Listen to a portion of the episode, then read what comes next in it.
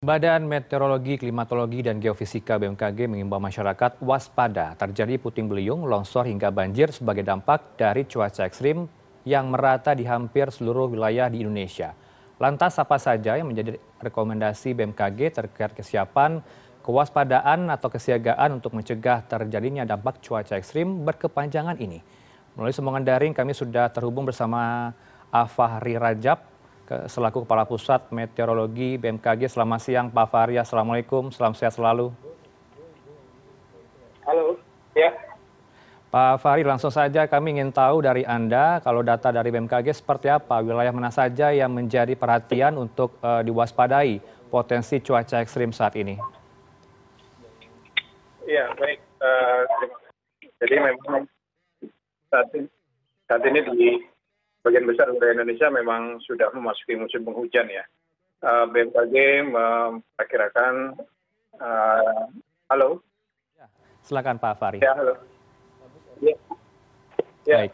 Uh, dari hasil uh, perkiraan di BMKG, rata hampir di seluruh wilayah Indonesia itu berpotensi terjadi hujan dengan intensitas sedang hingga lebat ya. Halo bisa didengar suara baik silakan pak. Saya mendengar dengan jelas. Oke baik. Terima kasih.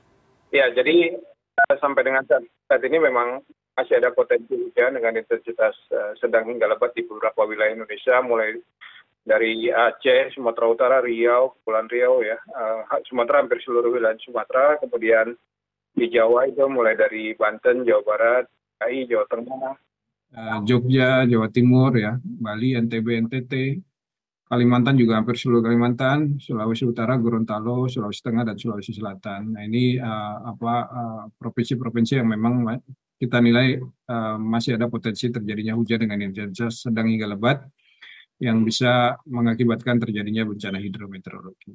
Baik, bencana hidrometeorologi, Baik, bencana hidrometeorologi di Indonesia merata ya Pak ya dari Aceh hingga ke Papua kalau Anda sebutkan dari banyaknya provinsi yang akan dilanda cuaca ekstrim. Tapi kalau kita boleh tahu Pak Fahri, sebenarnya ini kalau kita menyimak ya dari perkembangan yang telah kita dapatkan juga kami himpun bahwa penyebab dari cuaca ekstrim ini terjadi karena memang Indonesia ini uh, berada di daerah pertemuan air dan memiliki penguapan yang kuat. Begitu ya Pak Fahri? Iya betul. Jadi uh, kondisi hujan dengan intensitas sedang hingga lebat itu bisa terjadi karena uh, beberapa faktor dinamika atmosfer ya. Misalnya dalam apa skala global saat ini kita masih dipengaruhi oleh uh, kondisi uh, lanina ya. Hmm. kemudian dalam skala regional uh, banyaknya suplai uap air baik itu dari samudra Hindia maupun samudra Pasifik ya dan kemudian adanya daerah pertemuan angin ya daerah pertemuan angin yang dapat menyebabkan uh, pertumbuhan awan-awan hujan. Kenapa ada daerah pertemuan angin? Ini bisa jadi karena memang faktor lokal ya geografis tempat ataupun faktor regional seperti adanya uh, apa uh, pusat tekanan rendah, kemudian adanya gelombang-gelombang atmosfer uh, itu yang uh, mempengaruhi uh, pertumbuhan awan di wilayah Indonesia. Jadi kombinasi antara faktor uh, fenomena atmosfer skala global, regional dan lokal ini yang ber, ber, ber, berkontribusi terhadap pertumbuhan awan-awan hujan di wilayah Indonesia saat ini. Hmm, baik Pak Fahri, sederhananya saja Pak Fahri kalau kita sebagai warga masyarakat awam untuk mengenali cuaca ekstrim ini atau potensi bencana yang akan terjadi kalau kita uh, di pagi hari apakah benar udara terasa panas sejak pagi hari kemudian uh, terlihat awan kumulus sejak pagi terbentuknya awan cumulonimbus udara terasa lebih dingin dan hujan lebat terjadi tiba-tiba. Ya, jadi uh, kondisi hujan di periode awal musim hujan seperti saat ini ya cenderung uh, terjadi pada uh, mak maksud saya dengan durasi yang singkat tapi lebat gitu ya.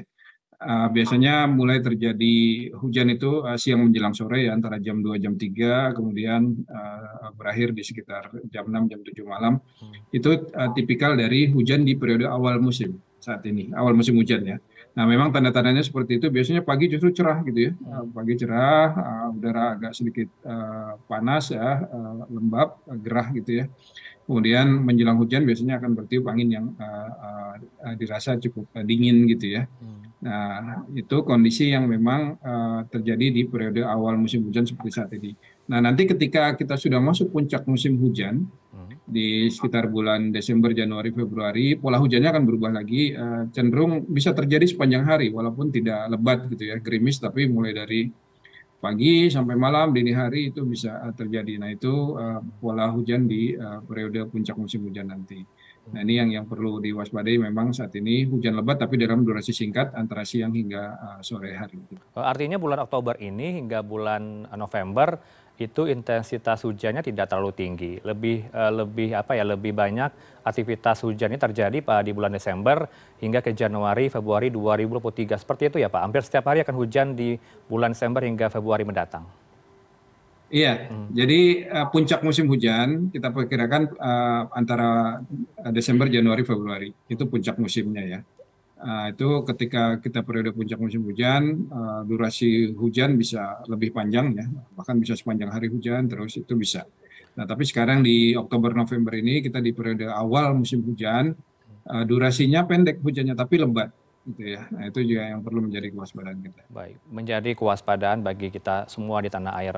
Pak Fahri, kalau Anda katakan memang aktivitas atmosfer seperti fenomena lainnya akan berlangsung hingga Februari nanti di 2023, tapi kalau kita minta dari Anda rekomendasi apa yang bisa diberikan dari BMKG menghadapi cuaca ekstrim di beberapa wilayah yang ada di Indonesia?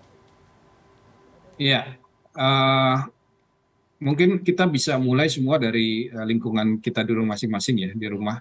Pastikan uh, saluran air uh, siap untuk menerima dan mengalirkan air gitu ya Kemudian dalam skala yang lebih luas, pemerintah baik pusat maupun daerah pastikan sungai-sungai itu uh, dikeruk ya, uh, siap untuk menerima dan mengalirkan air ke laut sehingga tidak terjadi uh, apa uh, banjir atau genangan kemudian uh, pohon-pohon yang udah tua, rimbun itu mungkin mulai dipangkas gitu ya. Hmm. Dan untuk uh, masyarakat yang banyak beraktivitas di luar ruang, uh, pas, uh, persiapkan diri untuk beraktivitas dalam kondisi hujan gitu ya. Hmm. Mengendara motor mungkin lebih berhati-hati gitu ya. Uh, kemudian uh, siapkan payung, jas hujan, dan yang nggak kalah penting juga tentu kondisi kesehatan. Kondisi kesehatan kita di musim penghujan ini uh, hmm. apa, tentu perlu menjadi perhatian juga.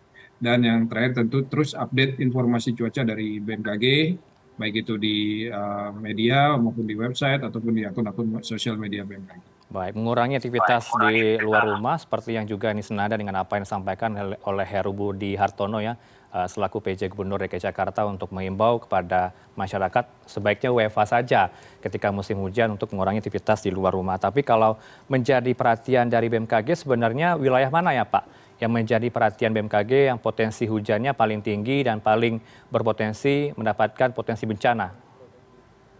Ya, sebenarnya um, um, merata yang di seluruh Indonesia ya. Tapi eh, contoh misalnya untuk Jabodetabek, uh, relatif wilayah selatan itu potensinya lebih tinggi seperti Bogor, Depok ya.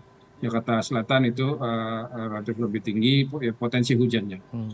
Kemudian untuk wilayah-wilayah uh, lain ya, uh, uh, Banten, uh, Jawa Barat, ya, itu terutama bagian selatan itu juga uh, potensi uh, hujannya lebih tinggi.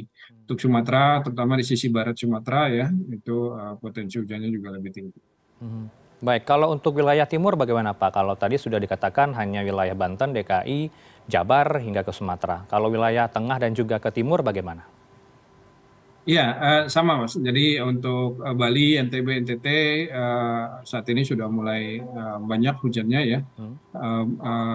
NTB terutama di daerah-daerah apa Lombok ya, hmm. kemudian di NTT merata hampir Flores, Pulau Timur ya.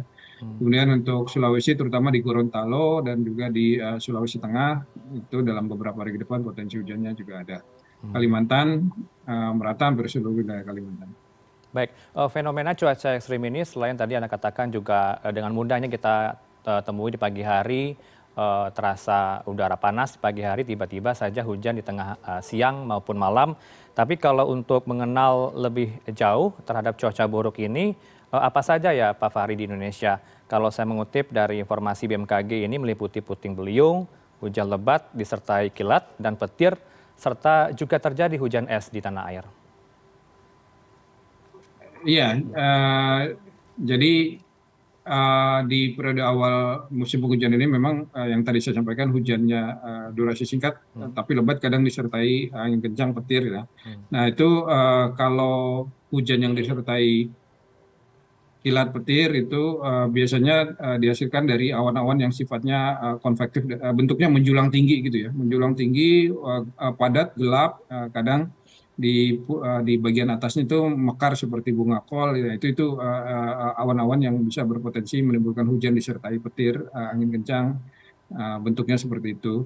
Dan uh, BMKG menginformasikan atau memberikan update informasinya itu uh, uh, di laman laman websitenya BMKG maupun di akun-akun sosial media BMKG. Hmm, baik dengan adanya cuaca buruk tadi tentunya dampak yang akan ditimbulkan besar sekali ya meliputi banjir, tanah longsor, banjir bandang, angin kencang dan pohon tumbang hingga jalanan licin. Itu yang menjadi perhatian BMKG untuk uh, kepada warga masyarakat agar waspada selalu ya Pak Fahri. Ya betul. Ini uh, yang perlu menjadi kewaspadaan kita adalah dampak dari uh, kondisi cuaca ekstrim ini. Itu tadi bencana hidrometeorologis basah ya seperti banjir, banjir bandang, longsor. Terutama daerah-daerah memang rawan, rawan yang terjadi uh, banjir itu uh, perlu menjadi kewaspadaan kita. Baik, kalau untuk DKI Anda punya uh, himbauan khusus karena kita tahu kalau persoalan banjir menjadi carut marut uh, karena banyaknya permasalahan yang terjadi, normalisasi kali yang masih belum selesai apa pesan Anda terhadap ibu kota DKI? Uh, ya, untuk ibu kota kalau kaitannya dengan potensi hujan yang dapat mengakibatkan banjir, uh, ada tiga hal yang perlu uh, tiga tiga fenomena yang perlu menjadi perhatian kita. Pertama adalah hujan di hulu. Hmm hujan di hulu itu di Bogor Puncak Cianjur, nah itu juga uh, perlu kita pantau karena uh, alir air yang mengalir ke DKI uh, kalau dalam jumlah besar tentu bisa mengakibatkan banjir juga. Hmm. Kedua adalah uh, hujan yang memang terjadi di atas Jakarta ya uh, Jakarta walaupun uh, apa uh, hujan singkat hanya 2-3 jam uh, tapi kalau uh, apa ada di wilayah-wilayah tertentu biasanya juga sudah bisa uh, mengakibatkan genangan. Hmm. Yang ketiga adalah kondisi uh, pasang naik air laut gitu ya. Nah, ketika air laut sedang pasang maka uh, aliran sungai yang dari selatan itu uh, sulit akan masuk ke uh, laut di utara Jakarta. Hmm. Ini tiga hal yang uh, perlu kita waspadai dan yang uh, lebih waspada lagi kalau tiga-tiga fenomena itu terjadi dalam waktu yang sama. Nah itu yang perlu uh, menjadi kewaspadaan kita juga. Terakhir saya minta dari Anda nih Pak Fahri, uh, kalau Anda mungkin tahu juga informasi yang beredar bahwa terakhir saya uh, ingin sampaikan bahwa ada mahasiswa IPB yang tiba-tiba terseret arus uh, di wilayah Bogor, Jawa Barat ini sebagai gambaran tentunya ke pemirsa di rumah bahwa kita harus berhati-hati uh, mengenali lubang-lubang yang tidak tahu uh, berada di mana, tapi yang harus menjadi perhatian adalah ke depannya seperti apa ya warga masyarakat untuk mengenali potensi adanya cuaca ekstrim dan juga banjir. Uh, ya, jadi uh, seperti tadi saya sampaikan, terutama masyarakat yang banyak beraktivitas di luar ruang ya, apalagi uh, misalnya pengendara sepeda motor ketika hujan, apalagi sudah mulai terjadi genangan, kan kita tidak tahu di di bawah air itu apakah ada lubang atau apa hmm. gitu ya. Nah jadi memang uh, persiapkan diri betul uh, ketika beraktivitas di luar. Kalau memang uh, tidak terlalu memahami atau mengenali uh, rute yang kita lewati, uh, sebaiknya mungkin istirahat dulu, menepi dulu gitu, uh, berteduh gitu ya, uh, sampai kondisi hujan reda dan juga uh, surut. Kalau ada genangan uh, baru kita lanjutkan lagi perjalanan. Uh, kecuali kalau memang kita sudah hafal betul rute yang kita lewati gitu ya di mana titik-titik uh, bahayanya ada selokan ada lubang gitu ya. Nah, tapi tetap perlu uh, kita uh, tetap waspada ya uh, untuk beraktivitas di musim uh, penghujan ini. Baik, bisa saya, simpul, saya simpulkan dari uh, informasi Anda bahwa yang, yang perlu menjadi perhatian kenali rute perjalanan, kurangi juga aktivitas di luar rumah. Terima kasih Pak Fahri, waktunya bersama kami di CNN Indonesia News Hour. Selamat sehat selalu Pak Fahri. Terima kasih.